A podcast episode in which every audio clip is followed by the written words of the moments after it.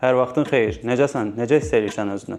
Öncəliklə hər birinizə müsahibə bacarığı ilə bağlı olan podkastıma həm video formasında, həm səsli formada yazılan möhtəşəm rəylərinizə görə təşəkkür edirəm. İnsana ləzzət eləyir.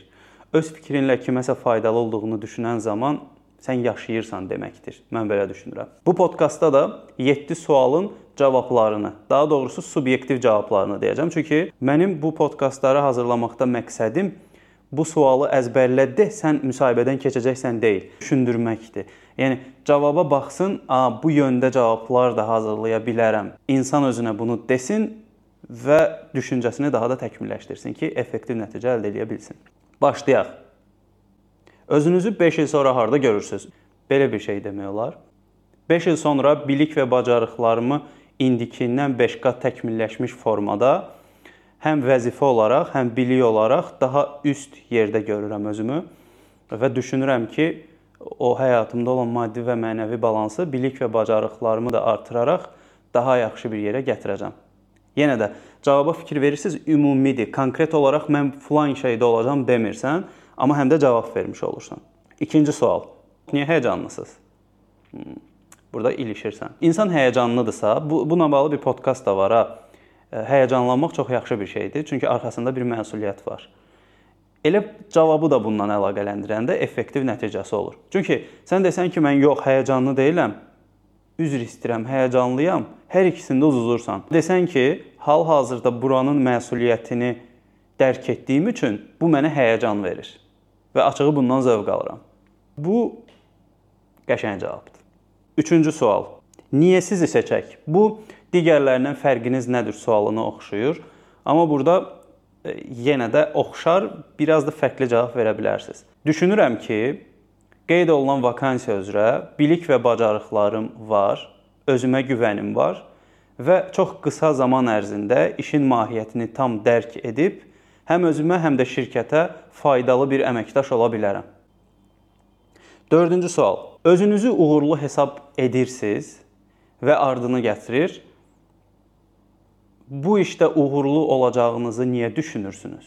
Ümumiyyətlə hə ya da yox deyə cavab verməyin bu, bu tipli suallara. Özünü uğurlu hesab edirsən?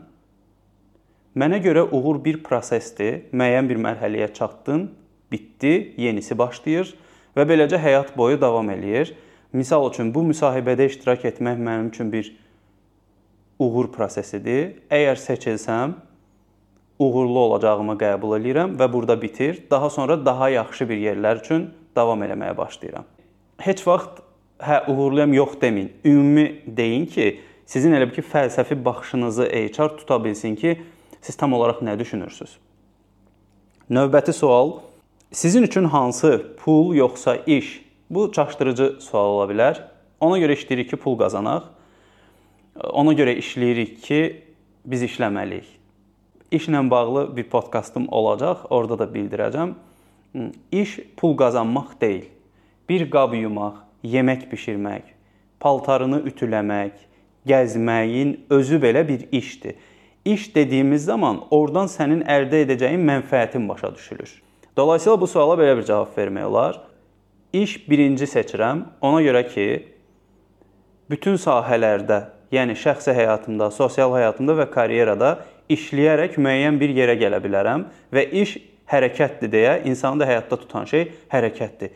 Pul isə əmək haqqıdır. Yəni bu şirkətdə çalışdığım, göstərdiyim əməyin haqqı olaraq əldə edirəm. Dolayısıyla iş birinci gəlir, pul ikinci gəlir. Yəni demirsən də mən ancaq işləyəcəm ya da demirsən mən ancaq pula baxacağam. Belə də deyirsən, belə də deyirsən. Növbəti sual: Niyə biz Niyə bizim şirkət? Niyə məhz biz? Bu tipli suallar verirlər. Buna belə bir cavab vermək olar. Şirkəti araşdırdım. Mənim prioritetlərim var ki, bu bu bu şeylər olmalıdır ki, e, mən o şirkətdə öz bacarıqlarımı tam göstərə bilim. Düşünürəm ki, sizin şirkətdə bunları edə biləcəm. Ona görə ilk olaraq sizin şirkət. Vəssalam. Qısa və konkret. Və sonuncu sual, bizə sualınız var. Mütləq burada bir cavab ver. Mütləqa. Ona görə ki, elə bir görüşə getmisən, getdiyin yerlə bağlı heç bir sualın yoxdur. Nə qədər mənasız görsənir. Burada da misal üçün şirkət 1 il sonra, 2 il sonra, 5 il sonra özünü harda görür? Ümumiyyətlə şirkətin 3 əsas prioriteti nədir? Əməkdaşlarla münasibətdə şirkət ən çox nələrə üstünlük verir? Bu tipli sual qarşı tərəfin beynində, "A, bizim haqqımızda düşünür, maraqlanır" düşüncəsi yaradır və avtomatik olaraq sən onun beyninə daha yaxşı girə bilirsən və daha yaxşı seçilirsən. Birinci videoda da demişdim, indi buralara yerləşdirəcəm. Baxmamısınızsa ona da baxın. Məsələ duyğuları doğru şəkildə ifadə edə bilməkdir. Duyğularını ifadə edə bilən insanlar duyğularını ifadə edə bilməyənləri idarə eləyirlər. Kimsə yüksək bir biliyə sahib ola bilər, amma kimsə o biliyini yaxşı şəkildə ifadə edə bilər. İfadə edən adam ön planda olacaq. Ona görə müsahibədə nə bildiyindən daha çox bildiklərini necə ifadə etdiyin önəmlidir. Bunları mütləq yadda saxlamaq lazımdır. Belə Təşəkkür edirəm dinlədiyinə görə. Sualların olsa yaz, onları da cavablandırmağa hazıram. Ümumiyyətlə videonu izlədiyinə görə də təşəkkür edirəm. Növbəti videolarda görüşərik. Hələlik.